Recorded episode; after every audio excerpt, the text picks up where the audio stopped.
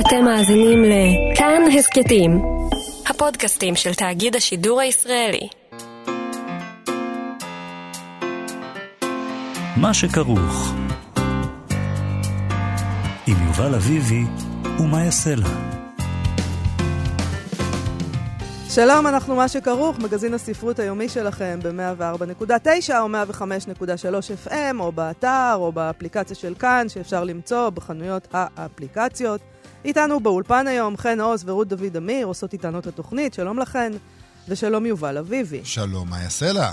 אז uh, אתה בוודאי יודע שלהיות הומו או לסבית זה דבר קשה, uh, קשה מספיק, uh, אבל להיות uh, להט"ב אה, שגם בא ממשפחה דתית, אה, ושהוא דתי. כן. לא רק שהוא בא ממשפחה דתית, זה קשה אפילו יותר. אבל הנושא הזה עושה קובץ הספרות הלהט"בית הדתית, לשכון בערפל, שם מעניין, לשכון בערפל. זה הדרך שלהם להגיד להיות בארון? אולי. אנחנו נשאל, נ, נשאל, נשאל את, את הדבר הזה. הקובץ הזה כולל שירה ופרוזה שעוסקת בדיוק בנושא הזה, ב- בלהיות הומו דתי, או לסבית דתייה. אה, נדבר היום עם יואל טייב, אחד מעורכי הקובץ הזה. בין השאר יש בו גם שירים משירת ימי הביניים. אה, אולי אצבע קטנה בעין של אלה שתובעים לעצמם זכות בלבדית שמרנית על ארון הספרים היהודי.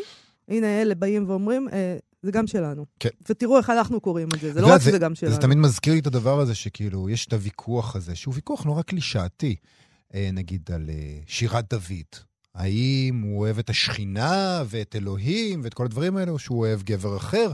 ויש אנשים שאומרים, כל אותם ליברלים שבאים ואומרים שזה שירת אה, אה, אהבת גבר לגבר, אתם עושים מעשה עוול ואתם עושים פרשנות מעוותת ודברים כאלה. אני לא יודע, בטח הם יגידו את אותו דבר על uh, שירת ימי הביניים והניחוס לא, שלה. לא יודעת, אני לא רואה את זה כעוול או לא עוול. אני קוראת טקסטים איך שאני רוצה לקרוא אותם. אף אחד לא יגיד לי איך לקרוא אותם, זה הכל. הרבה מאוד אנשים מנסים לגרום לך uh, ולהרבה אנשים אחרים uh, להכריח אותם לקרוא דברים בצורה מאוד מאוד ספציפית. אני אקרא את הטקסטים איך שאני רוצה לקרוא אותם. על אפם ועל החמתם. אוקיי, אחר כך נדבר, אתה יודע, מי שמאזין לתוכנית שלנו כבר יודע שאני לא אוהבת ספרות ילדים, סתם. לא, לא, אני מאוד אוהבת להגיד את הדבר הזה כבר, uh, כבר uh, פוגגנו. אני אוהבת כשספרות ילדים היא, היא פרועה, בוא כן. נגיד, כן. ילדים ונוער. היא כזאת שמקלקלת uh, ולא מחנכת. כן. אז אנחנו נדבר גם עם אורית קוריצקי, שכתבה ספר שהוא קצת כזה, קוראים לו 24 קסמים ועוגה. ו... ויש בו קסמים. יש בו קסמים, ויש בו מבוגרים שמשקרים, יש בו כל מיני דברים שיש בעולם. בעולם, חוץ מקסמים שאין בעולם. ודאי שיש. אה, רק לך הם... אה, זה לא שהם לא קוראים לך, אגב, אתה פשוט לא שם לב. אני לא שם לב. כן, זה הבעיה. אה, אנחנו גם נשיק עוד מעט פינה חדשה עם המתאגרף, הסופר ואיש הים גיל ססובר. לא ההוא מהקומדי סטור. לא. ולא קשור לרוני ססובר. לא, אחד אחר. השם. אחד אחר. הוא ידבר איתנו בפינה הזאת על ספרים וסופרים נשכחים, או כאלה שלא זכו בכלל להכרה. נכון. והם ראויים לכך עד מאוד. נכון. אז נשים אותם על השולחן. אני חושב שזו פינה נהדרת. נכון. אפשרות אה, באמת אה, לעשות את ה... לתקן את העוול הזה, אם אני בעניין... אני בעניין של עוולות הבוקר. אנחנו נתחיל אה, את הפינה הזאת של גיל ססובר עם יעקב בוצ'ן. כן. עוד מעט נספר עליו. נכון, אבל לפני זה נדבר רגע על לוליטה. הרומן הידוע של ולדימיר נבוקוב, שאנחנו מציינים השנה 60 שנה לתרגום שלו לעברית. אה, שזה קרה מאוד מאוד מהר אחרי שהספר נכתב, באופן שלא ממש... אז היה לוקח בדרך כלל יותר זמן, גם היום בדרך כלל לא קורה מיד. הכירו בגדולתו אולי, אמרו זה חשוב. אה, או שהנושא הסנסציוני אה, גרם לאנשים להרים את הכפפה מהר יותר. האנשים שהיו אז, הם לא היו אנשים כמוך. הם היו אנשים הם לא טיפה יותר... יותר, יותר גבוהים מזה. יותר גבוהים מזה? הם, כן, הם חשבו שזאת אמנות נעלה. אף פעם לא היו גבוהים יותר מזה. ולעולם לא יהיו גם. אה, כן אפשר להגיד שזה אחד הספרים היהודיים ביותר בעולם, כולם מכירים אותו. הדעה הרווחת היא שמדובר ביצירת מופת, אבל יש כאלה, ואני אמנע מלהביע דעה בעצמי כרגע, שחושבים אחרת. באתר ליטררי האב עשו משהו שהם עושים מדי פעם לכל מיני ספרים שחדרו לקאנון, ואספו כמה מהביקורות אה, באמזון שנתנו לספר הזה כוכב אחד בודד. זאת אומרת, הביקורות הגרועות הטובות ביותר בעיניהם. שזה ביקורות, אמזון אה, זה ביקורות של אה, גולשים. קוראים מן השורה, סתם. אנשים. אה, אוקיי, אז באתר כותבים שמעניקי הכוכב הבודד לספר מתחלקים לשתי קבוצות. אלה שמוצאים את הספר הזה דוחה מבחינה מוסרית, ואלה שחושבים שהוא משעמם. אז לאיזה קבוצה אתה שייך, יובל, או שאתה עדיין אה, מהאו"ם ואתה לא רוצה לענות? אני אשמור על זכות השתיקה בעניין הזה. כמובן. כמה אני- מפתיע. אני, אני לא רוצה ל... אתה, אגב, שומר על באיזה- זכות הש- השתיקה, באיזה כי קבוצה אתה... מקולקלת אני שייך. אתה שומר על זכות השתיקה כי פשוט לא נעים לך... אני שומר על זכות השתיקה למה בעצם? בעיקר כי כבר אני קראתי את האייטם הזה. מאזיננו תכף ייחשפו לדברים שאני כבר. נחשפתי אליהם, וזה מין מועדון, זה מועדון שאני לא רוצה אבל להשתייך אתה אליו. שייך אליו, זה מה שאתה בעצם אומר. אני לא בוא חושב ש... נמשיך, לא, אוקיי. אני לא, אני אגיד, אני לא חושב שהספר משעמם, ואני לא חושב שהספר דוחה מבחינה מוסרית. אני לא חושב שיש פרוזה דוחה מבחינה מוסרית. אה, זה לא שיפוט. אה, חרף פוציות אה, אינהרנטית שלי, אני לא חושב שזה שיפוט תקין של ספרות בהכרח, אבל- אלא אם כן היא גרועה, אבל אני חושב שהספר הזה זכה להערכה יותר מכפי שמגיע לו. זהו, עכשיו אני שרוף, לא ש- בפעם הראשונה. כן, כן. האמת שבאמת כן, עדיף שלא הייתי שואלת, נכון. ולא היית עונה. למה שאלת? עכשיו אני אני שרוף מצטערת, אני בשוק מצטערת. האזרחי. כן. אוקיי, לא, לא נעבור. יודעת אם אתה שרוף בשוק, אבל אצלי אתה שרוף. אוקיי, קדימה. נעבור לכל אלה שבחרו, אה, אה, כמוני, בטיפשותם, לא לנצל את ה- את זכות השתיקה. כן. או, כמו שאת תמיד אומרת, החליטו לפתוח את הפה ולהוכיח שהם טיפשים במקום לסתום אותו, ולהשאיר לפחות את האופציה שהם לא טיפשים נכון. פתוחה. זה מה הם- שאבא שלי תמיד הציע לי. זה זה, אתה כמו יודע, מה שאני עשיתי נכון. לפני מספר שניות. אמת. זו הייתה אה, הדגמה נהדרת. נכון. אז יש פה כמה דוגמאות אפילו יותר טובות. בואי נעבור אליהן. קדימה. אה, אחת הגולשות שהעניקה ללולית הכוכב אחד כותבת כך: אני בטוחה שכבר שמעתם הכל על הרומן הזה. חוץ מזה שהוא משעמם, ארוך מדי ונטול כל אירוטיות.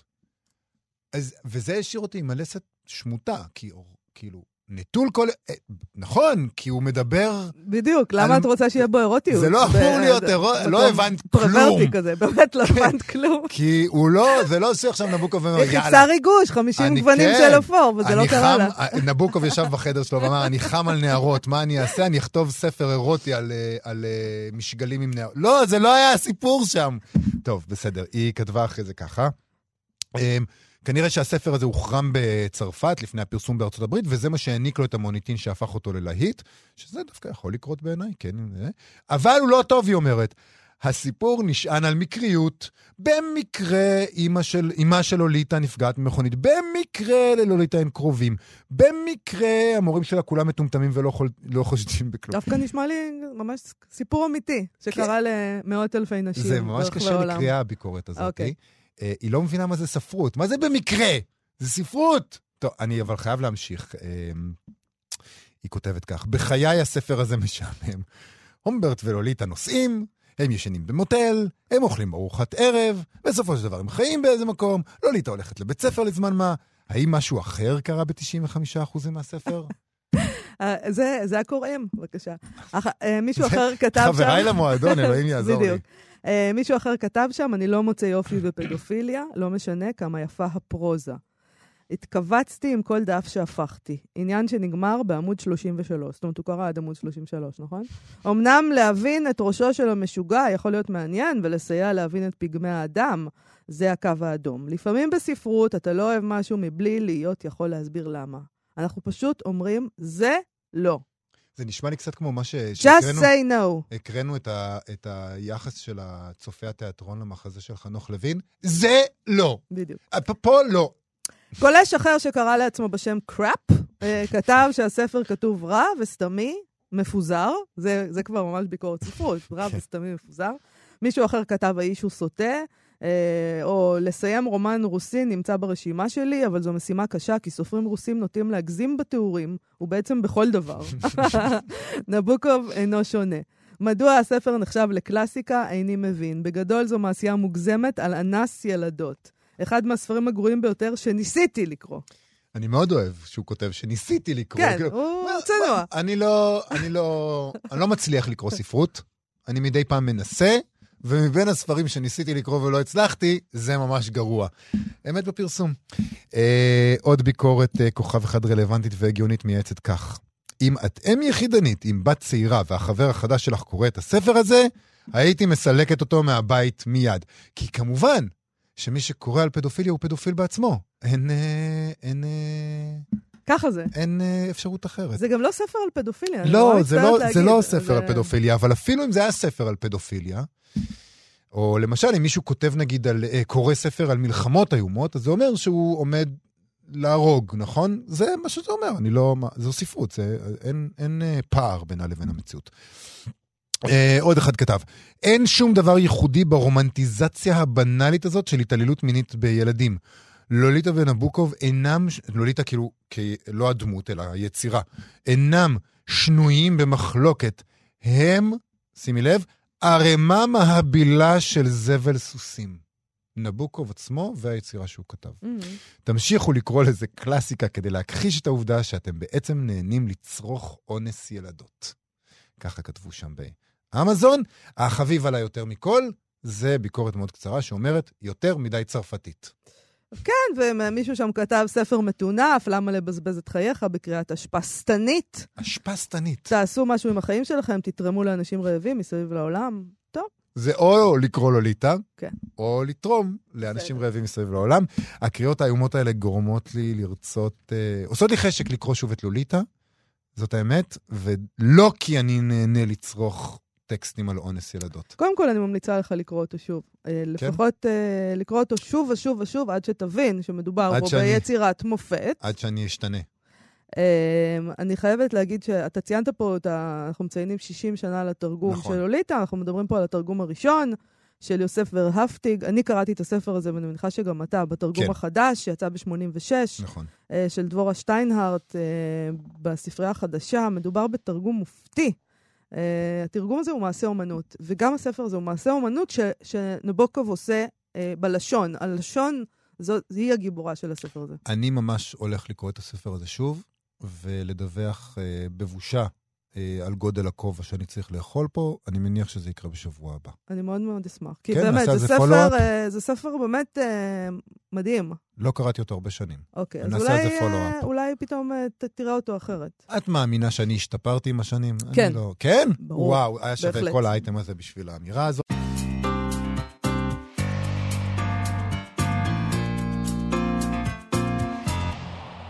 מה שכרוך בכאן תרבות, חזרנו כדי להשיק את הפינה החדשה, שבה נדבר על ספרים נשכחים וסופרים שהיינו צריכים לזכור, אבל משום מה דחקנו למדפים האחוריים, או שבכלל לא שמנו לב אליהם גם כשהם יצאו.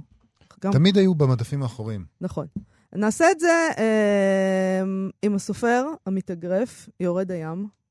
אה, אני אוהבת לקרוא לו דייג, אני לא יודעת. גיל ססובר, שלום. זה בסדר. שאני קוראת לך דייג? הכל בסדר. רגיל, אה, תדבר למיקרופון. בסדר, כן. גיל ססובר אה, עצמו, הוא כבר כתב 11 ספרים, אה, בהם ספר הבישול, אה, שמונה ספרים, הוא אומר לי כאן, בהם ספר הבישול המשתה, ספר הים, ים יפו, והזכות ליתמות. שלום לך, שוב, גיל ססובר. שלום, אנחנו. מדברים היום על יעקב בוצ'ן, נכון? יעקב בוצ'ן, כן. בוצ'ן. אז ספר לנו עליו, למה הוא בעיניך כזה גדול? כל הזמן אתה אה, מדבר איתי עליו. לא סתם הוא הראשון, אנחנו פותחים איתו את הפינה. בוא נודה בזה. כן, נהייתי קצת מיסיונרי בקטע שלו. אני פגשתי אותו, פגשתי אותו כאילו ב- בספריו לפני איזה שנתיים וחצי, אה, במקרה, והיה לי את המזל אה, לפגוש קודם את אה, שני חיי יעקב, שזה ספר הביקורים שלו, שיצא ב-79. עשה הרבה רעש אז. אני לא כך יודע.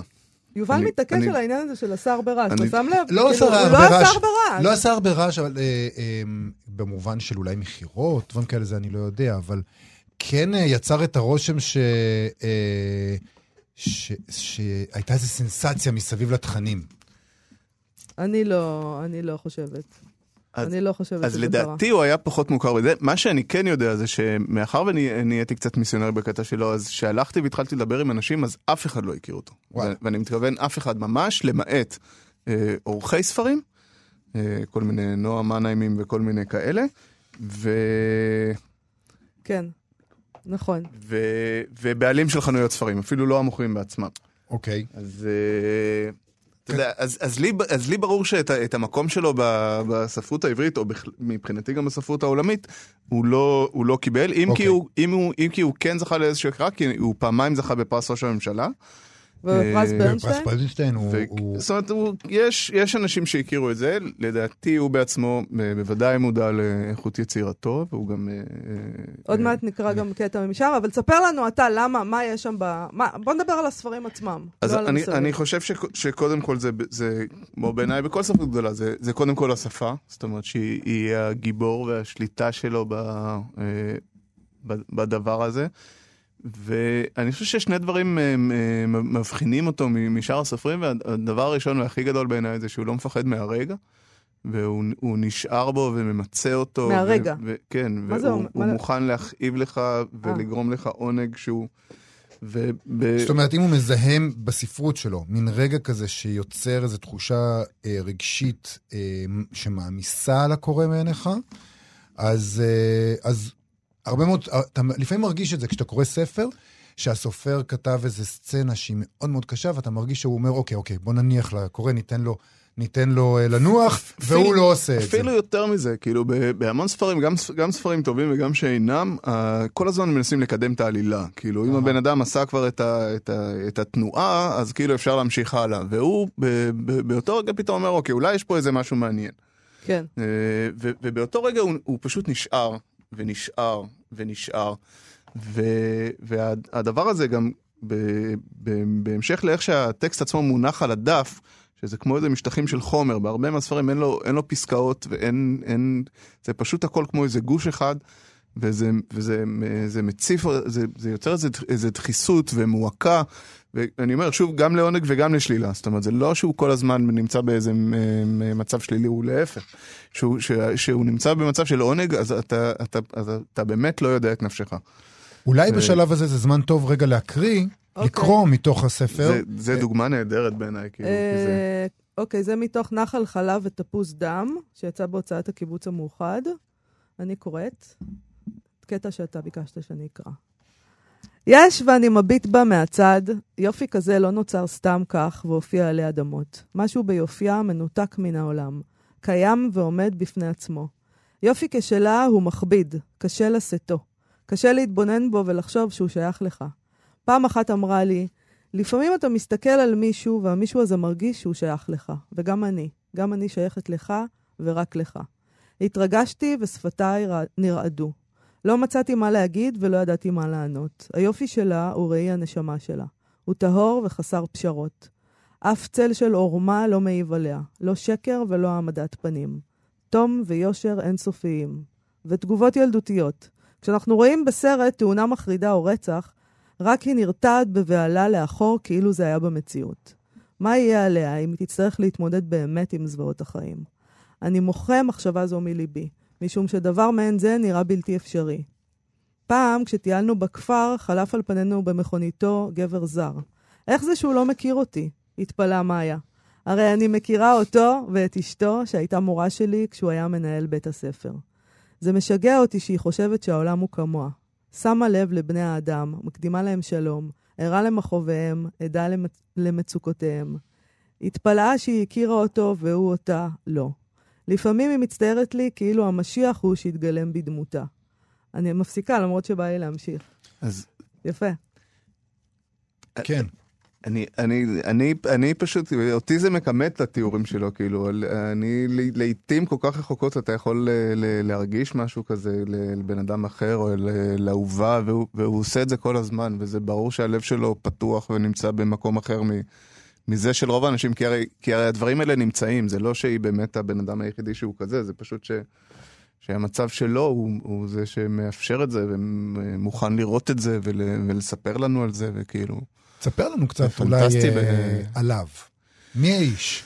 אה, יעקב סיפור חיים לא פשוט. במיוחד. לא סטנדרטי. אה, יעקב בוצ'ה נולד באוסטריה, אימא שלו הייתה מזכירה של מנגלה, כמו שהוא אומר, לא פחות ולא יותר.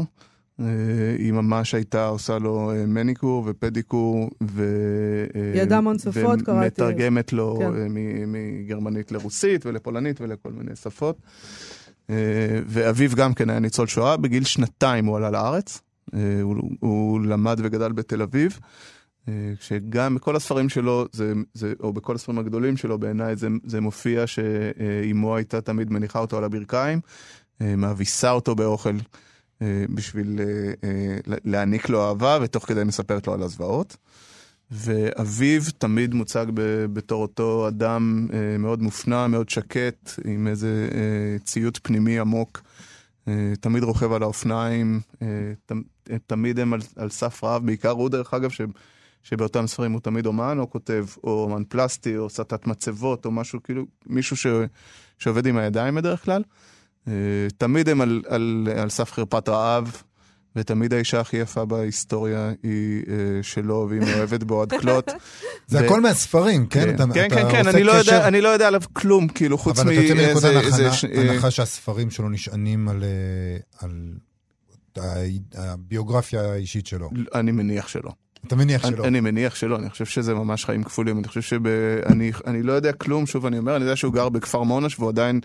אה, אני חושב שבשנתיים האחרונות הוא הוציא עוד שני ספרים, זאת אומרת, הבן אדם חי ועובד, זה לא איזה... הספר אה, האחרון שלו, דיברנו עליו לפני השידור, זה יצא בהוצאת אה, כרמל, תאי עצב, נכון? כן. לדעתי ממש לפני חודשיים או שלושה, כאילו ממש טרי טרי.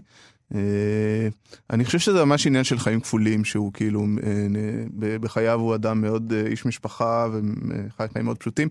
ובהמשך למה שהתחלתי, אז, אז תמיד אותה אישה יפה, זה לעולם לא מספיק לו. והוא תר אחרי, אה, אם, אם את רוצה להקריא את, את הביקורת, כי זה בדיוק מה שהיא אומרת, אה, הוא תר אחרי כל דבר, זה יכול להיות אה, מוכרת כרטיסים בתיאטרון, או חיילת שהוא ראה במקרה, או אישה באוטובוס, וזה תמיד גם האנשים הכי פשוטים, זאת אומרת, אין, אין שום דבר מחיי זוהר, או איזה אנשים מפורסמים, או ציירים אחרים, זה, זה, זאת אומרת באמת, שהספרות שלו מאפשרת לו לחיות איזה חיים פנטסטיים כאלה, ש- שהוא בוא לא... מוצ- נקרא את הביקורת שכתב דן עומר, כן, נכון? בעולם הזה, שגיל הביא לפה, והוא כותב כך: שני חיי יעקב הינו ההפתעה החיובית הגדולה ביותר של הספרות הישראלית החדשה בשנתיים האחרונות. הוא כותב את זה בעולם הזה. בוצ'אן מתגלה כסופר מיומן שיש בכוח תיאוריו והמבנה של סיפורו להביא לכדי חיוורון את כל ליגת הסופרים המתחילה בדור הסופרים הזקן, כאהרון מגד, יורם קניוק ואחרים, דרך דן צלקה ויעקב שבתאי. ליד יכולת תיאוריו, עוצמת לשונו, רובדי שפתו, הרי שספריהם של כל אלה הינם בבחינת מעשה חובבים. וואו. גבריאל מוקד, אחרי זה אנחנו קוראים, כינה אותו הנציג הקיצוני ביותר של הזרם הווידואי בספרות העברית. ועדה בושס כתבה אז, יעקב נע ונד עם איבר זקור, מפטמה זקורה אחת לאחרת, כדי להציל את הנפש מן הייסורים והחיפוש. אז אולי... לפחות הם כתבו יפה מאוד, גם- מאוד. גם את הביקורת. מקסים. כאילו, כן, כן. אבל היו, כמה. היו לא מעט ביקורות טובות על uh, ספרו הראשון, שני חיי יעקב. ואז כן. אולי יש- נשאלת השאלה, למה, מה קרה? למה הוא נשאר על המדף האחורי? למה הוא לא אני- הפך להיות אני- אה, אני אינני עמוס יודע, עוז? אה, קשה מאוד להשיג את ספריו, דרך אגב זה לא, לא, לא עניין של מה בכך, זאת אומרת אתה לא תלך למדף היום וזה יישב לך שם במבצעים, ותלך למוכרי ספרים קצת יותר, אז הם- הם יגידו לך אזל, אזל, אזל, אזל, אזל, ואם יש לך... אה, אני אה, השקעתי מאמץ רב בשביל להשיג את כל ספריו. ואני כן יכול להגיד שבניגוד לסוף, יש הרבה ספרים גדולים, אפילו בסדר גודל של הנרי מילר וכאלה, שיש להם אה, ספרים גדולים מאוד, ואחרי זה ספרים שהם פשוט בלתי קריאים. או אפילו בתוך ספר אחד יהיה לך פתאום איזה פסקה אחת שהיא כאילו, אתה יודע, פנטסטית, ואחרי זה משהו שאתה אומר, כמעט לא הגיוני שאותו אדם כתב את זה. כן. ואצלו אין את זה, זאת אומרת, הוא כמו איזה, אה, הוא כמו איזה זמר שאין לו שום יכולת לזייף, והוא כל הזמן נמצא באיזה איזה גבהות שאינה פוסקת, ואתה כאילו, אתה פשוט מת- מתמלא יראה וקנאה, ו... אז למה, אז למה הוא לא מוכר יותר? למה הוא, לא, למה הוא נשאר כי אנחנו אידיוטים, אה, מה אני זאת לא אומרת? אני- לא, אני- בסדר. אני חושב אין ש- סיבה אני- אני אחרת. חושב אוקיי. ש- שזה הפוך, ואני, מאחר ואתם עוסקים אה, בהנגשה של הספרות, או כאילו עוס- עוסקים בה בכלל, אז כאילו אולי אתם... תסבירו אתם. לא, זה כן. אשמתנו אולי. אה, אולי זה אשמת האנשים כן. אני, המתווכים. כן- אני כן. כן יודע שהוא לא מה... הוא לא יקפוץ לכל רעיון, והוא לא גר בתל אביב, והוא לא יושב בגילדת. הסופרים, או כאילו, אתה יודע, הוא... בנסיך הקטן. הוא, הוא די מתבדל ודי זה, אבל, אבל אני מאוד אה, אה, חושב שהוא מודע ל, לאיכות עבודתו. כן, ו... אה, לסיום, אפרופו מודע לאיכות אולי אנחנו צריכים עבודתו, לקרוא את הספר שלו החדש ולהזמין אותו כן. לשוחח כאן. אני קדימה, יובל. בואי נרים את הכפפה שאנחנו עצמנו השלכנו. אוקיי, אז לסיום אני אקרא עוד קטע שמנחל חלב ותפוז דם, כן. אה, אפרופו מודע לגדולתו. אה, הוא כותב כך: בחברת אנשים אחרים, אומנים, פסלים, אני מרגיש את עצמי חסר כל ערך ומבוטל. זה לא היה מבלבל ומחריד אותי כל כך, לולא בה בעת, עם הרגשת הנחיתות, מציף וממלא אותי משהו אחר. אתם לא יודעים את האמת, אני עולה עליכם לאין ארוך. עולמי הרגשי כל כך דחוס, עמוק ומלא. דמיוני כה עז ומוזר. רגישותי חריפה כל כך, לעומת רדידותכם, עד שאני ממש חושש להוציא הכל לאור. למה אתם מצליחים לעורר בי את ההרגשה שאתם שווים, ואילו אני מצליח לטעת בי את ההרגשה שאני לא? לפעמים נדמה לי שעברתי לחיות באיזה אופן קיום אחר. קשה לי להיות שמח, כל דבר מאיים להחריט אותי. קשר רגשי עם הזולת כבר איננו לפי כוחי. מפחיד אותי פן אתבקש להיפתח, לגעת עמוק, לתת, להשתנות. ואז גם המעט שנותר בי למשמרת יתרוקן, ואני אשאר יבש וסדוק. זה קטע ממש אדיר. נפלא. אדיר, אדיר, אדיר. תודה רבה. גיל ססובר. דיברנו על יעקב בוצ'ן, ואנחנו כבר מחכים מחכים אה, לפינה הבאה. לפינה שבה. שוב נדבר על אה, סופר נשכח, או סופר שאף פעם לא זכרנו בעצם. אני חושב שנדבר על אה, ז'וס- ז'וסטין פרנק ועל. דעה מתוקה, דרך אגב. אוקיי, נדבר על ז'וסטין פרנק. יש להם מה לחכות. תודה רבה. תודה רבה.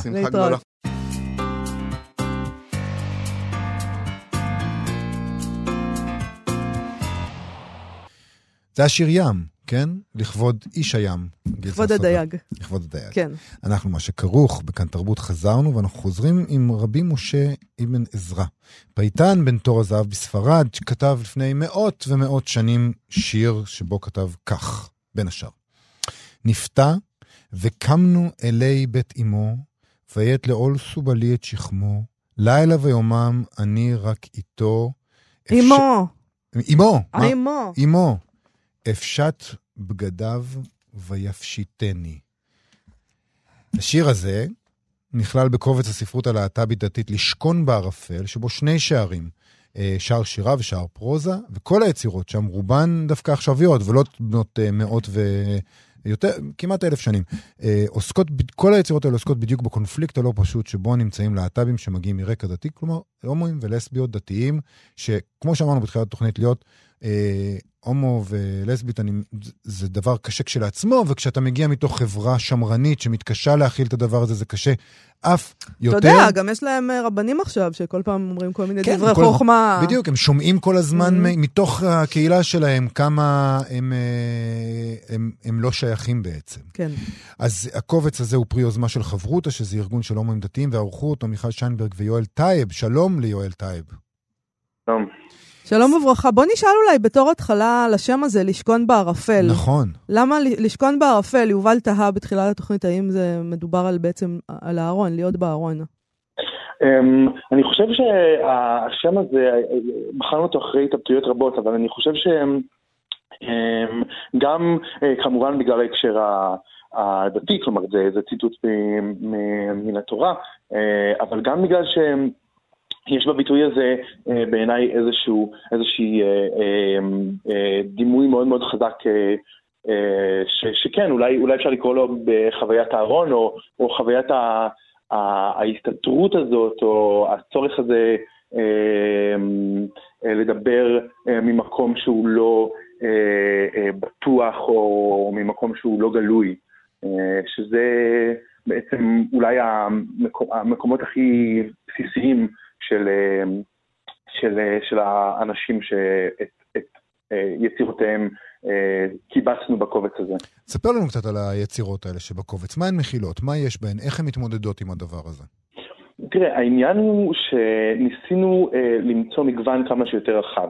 אה, באמת, אה, כפי שאמרת בהתחלה, אה, הסיבה שהבאנו גם יצירות משירת ימי הביניים הייתה גם לתת איזשהו הקשר היסטורי ו- ולתת איזשהו רקע כדי להבין שזה לא, לא חוויה שהתחילה אתמול והיא לא תיגמר מחר, זה לא משהו שאנחנו יכולים לבטל בהינף יד כדי לומר, אה, זה, זה, זה המוד הזה מהמאה ה-21.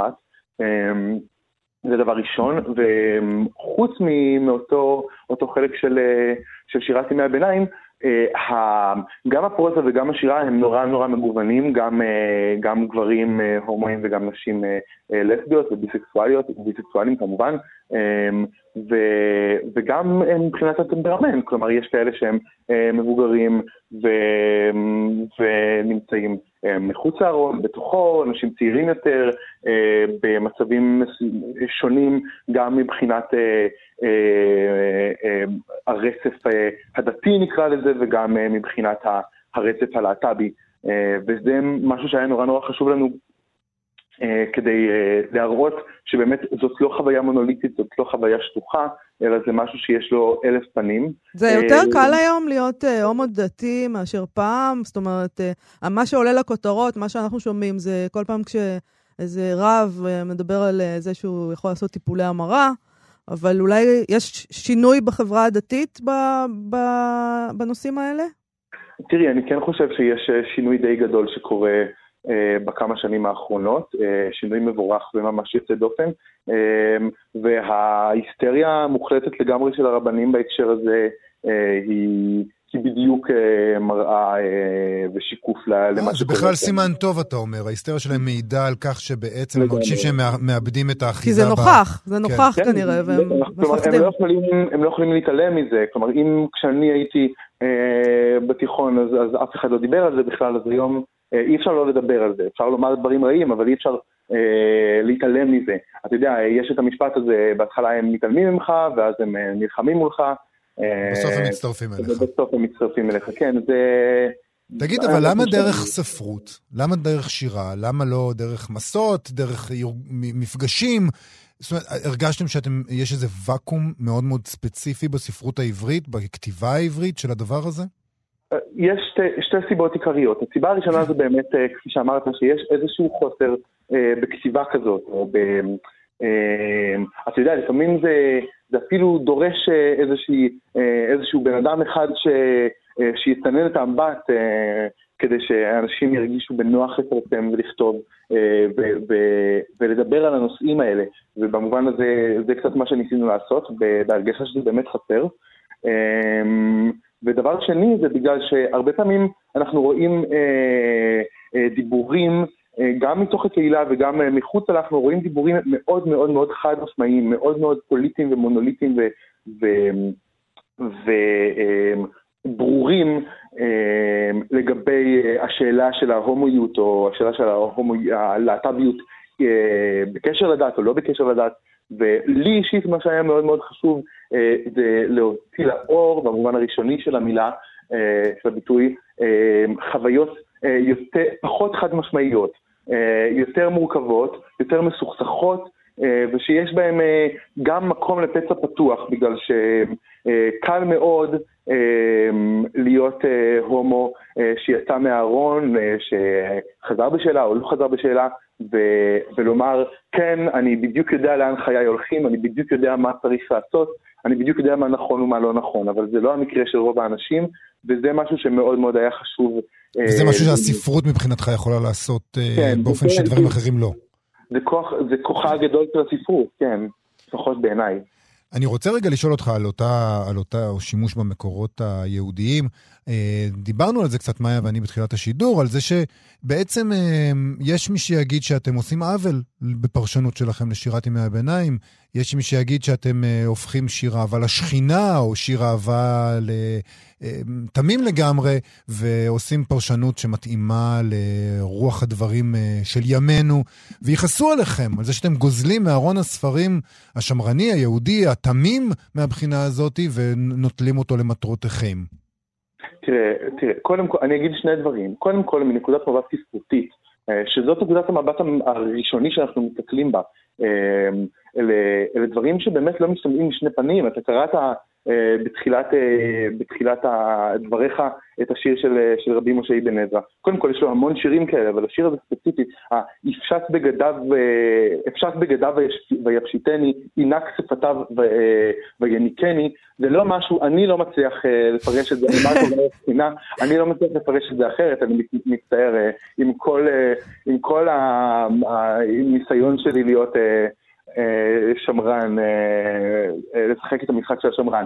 זה דבר ראשון. ודבר שני, מה שמאוד מאוד חשוב לנו אה, להציג בח- בחוברת הזאת אל העולם השמרני, זה, זה ל- להראות לו שאנחנו, שהטקסטים האלה הם טקסטים שהם, הם, אנחנו, הם שבורים על לשוננו, הם חלק מחיינו, ואם אנחנו, אנחנו מתבטאים דרכם, ואם אנחנו, אה, כדי לבטא את אהבתנו או את, אה, או את קשיינו, אנחנו משתמשים אה, במקורות, בפסוקים או במדרשים, אנחנו לא עושים את זה בגלל שאנחנו אה, רוצים לה- לעורר פרובוקציה, אלא בגלל שאנחנו הגענו מן, מן העולם הזה, והעולם הזה אה, זורם לעורקנו, ואנחנו, ואנחנו נזקקים לו כשאנחנו כותבים.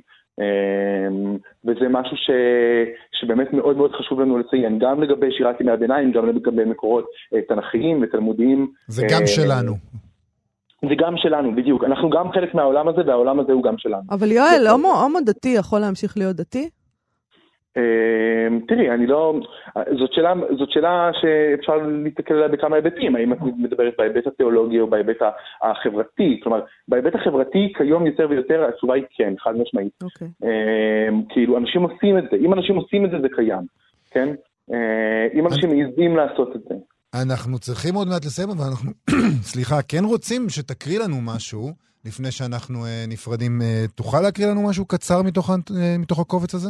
כן, בשמחה. אני אקריא אה, אה, בית אחד מתוך אה, מחזור אה, של, אה, אה, של אישה נורא נורא יקרה, חברתי הטובה ועמיתתי לעריכת האנתולוגיה וגם עמיתתי אה, לניהול של, אה, של דף אה, וידויים של אה, להט"בים דתיים בפייסבוק, Mm, אה, שנקראת אה, מיכל שיינברג.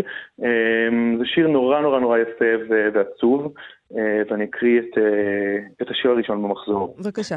הוא נקרא "היי לי בית". אה, היי לי בית, על הרים מקומרים, בתוך ירוק עד ושבילי שלג.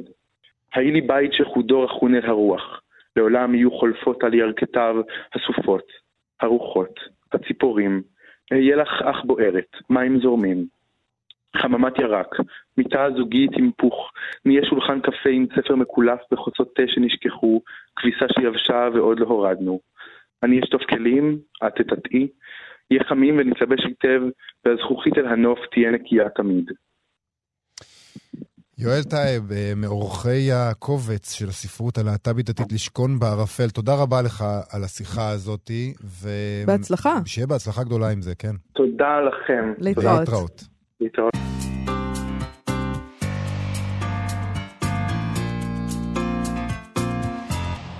אנחנו מה שכרוך בכאן תרבות, חזרנו. אה, אנחנו עם ספר אה, ילדים חדש, אה, ויש בו ילדים שמזייפים חתימות, רודפים אחרי פושעים, הורים שנעלמים והורים מתים, וגם מבוגרים שמשקרים וחוטפים מכות. כל הדברים האלה בספר שנקרא 24 קסמים ועוגה. אה, ספר ילדים שדי רחוק מתקינות פוליטית, וכמובן שלכן אנחנו מדברים עליו, יובל, כי זה מוצא חן בעיניי. כן.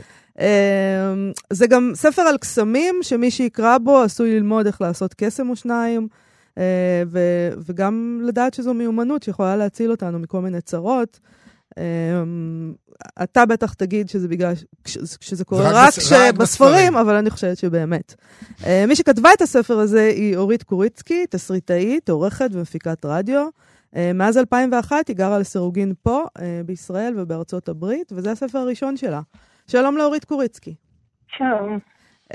ילדים בספר שלך מתמודדים עם דברים די קיצוניים, או אולי לא, אולי הם מתמודדים עם מה שילדים עם החיים. מתמודדים איתם, כשלא עושים להם אה, הצגות. נגיד, אה, אמ, מבוגרים משקרים, זאת אומרת, אני, רוצ, אני רוצה להגיד שכשקראתי על העניין הזה שהילד מסתכל ואומר, אה, הוא משקר לי, הוא רואה שהמבוגר משקר לו, שאבא שלו משקר לו, אז אה, זה, זה רגע כזה שכמבוגרת שקוראת ספר ילדים, את אומרת, "מ, איזה יופי, כאילו. אבל בעצם הילדים, הם פשוט יודעים שאנחנו משקרים להם, כן. כנראה. אמ, אני חושבת שילדים אה, יודעים שמשקרים להם, ואני אומרת זה כאם אה, די מגוננת, ש, שכן, משקרת לפעמים לילדים שלה, ואם לא משקרת, עוסקת ב... בוא נאמר, תיווך מאוד אקטיבי של המציאות. כן.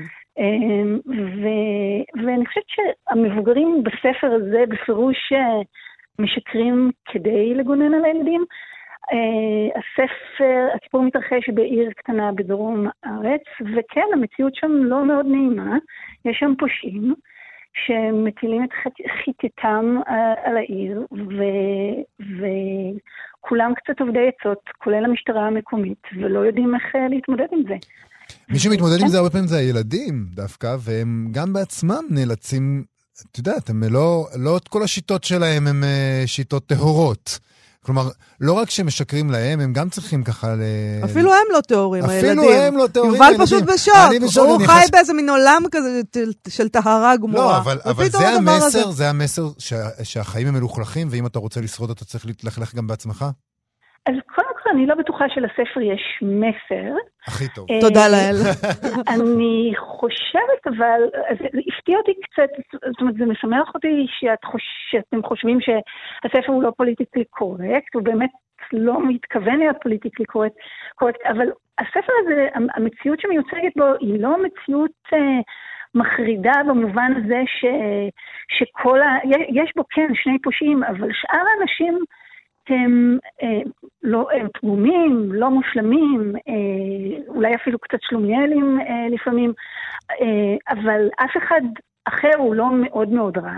אנשים עושים את הכי טוב שבו הם יכולים במציאות הכלכלית החברתית שבה הם, אה, הם, הם, הם נמצאים. זאת אומרת, העולם שמיוצג פה הוא לא, הוא לא עולם רע. אה, נכון. בהכרח. נכון. עכשיו, הילדים הם לא סתם שני ילדים רנדומליים, הם ילדים שלשניהם יש רקע בקוסמים. בועז הוא אחיינו של הקוסם הידוע, לפחות בסביבה, אה, אברי אה, קדברה, שיש לו גם חנות קסמים בעיר, אלא היא נצר למשפחה של קוסמים, היא עולה חדשה מהונגריה. ואכן, כשמתחילים בפעילות הבילוש שלהם כדי להבין מה קורה באמת בעיר, מה באמת המבוגרים בחיים שלהם מסתירים מהם, הם משתמשים או בקסמים ממש, אה, או בטכניקות שמאחורי קסמים, ובעיקר ב, אולי בעיקרון אה, שעומד מאחורי רוב הקסמים, אה, אני חושבת זה, זה נקרא הסחת דעת, כלומר, לנפנף ביד ימין כשאתה מוציא את היונה מ- מיד שמאל. ו- ו- אז, אז הם עושים דברים לטיפוס הזה, הם מפרסמים נאמר קייטנת קסמים ש- שאברי קדברה עושה בפסח, אבל הם עושים את זה מול המספרה שבה, שהיא, שהיא המפקדה של, ה, של שני הפושעים, ו, וככה הם משיגים אינפורמציה. זאת אומרת, אין אה, קסמים בעולם, זה הכל. עניין של הסחת דעת. אה, אז זהו, אז, אז אני חושבת שהספר באיזשהו מובן קצת חוקר את ההבדל או את הגבול, ש... מה ההבדל בעצם בין אה, סיפור לשקר לקסם. אברי, ואין לי מושג אם זה נכון. אגב, הרבה מה... עשיתי תחקיר מאוד מקיף בשביל הספר, אבל באיזשהו שלב שחררתי. את יודעת אה, לחתוך אישה לשניים ואחרי זה לחבר אותה בקטנה? מה, זה לא... איך עושים את זה? את לפחות יודעת איך עושים את זה? אני, אני, יודעת, אני יודעת איך עושים חלק גדול מהקסמים שקרא, שחקרתי, שקראתי עליהם, כן, ובדרך כלל מעורב בזה איזשהו, אה, איזשהו אמ, אביזר שה, שהטריק הוא בתוכו, אמ, אבל אמ, מה ש... קצת איבדתי את חוט המחשבה, אני מצטערת. אה, אז, אז שה- שהקסמים שהם, אה, דיברתי על סליחה, אני מתנצלת, על ההבדל בין קסמים ל- לסיפור לשקרים וכן הלאה, וכן הלאה, ולשקרים, כן. נכון. אז מה שאבי קדברה אומר לבועז כשהוא, אה, אה, כש- כשה- כשהפרצוף של בועז הוא קצת פרצוף תשעה באב, הוא אמר, הוא- קודם כל הוא אומר לו, אנשים לא באים לראות אה, אה, אנשים עצובים על הבמה, כן, דבר כן. ראשון, אבל הוא גם אומר לו, קסמים עושים קודם כל עם הפה, ולא עם הידיים.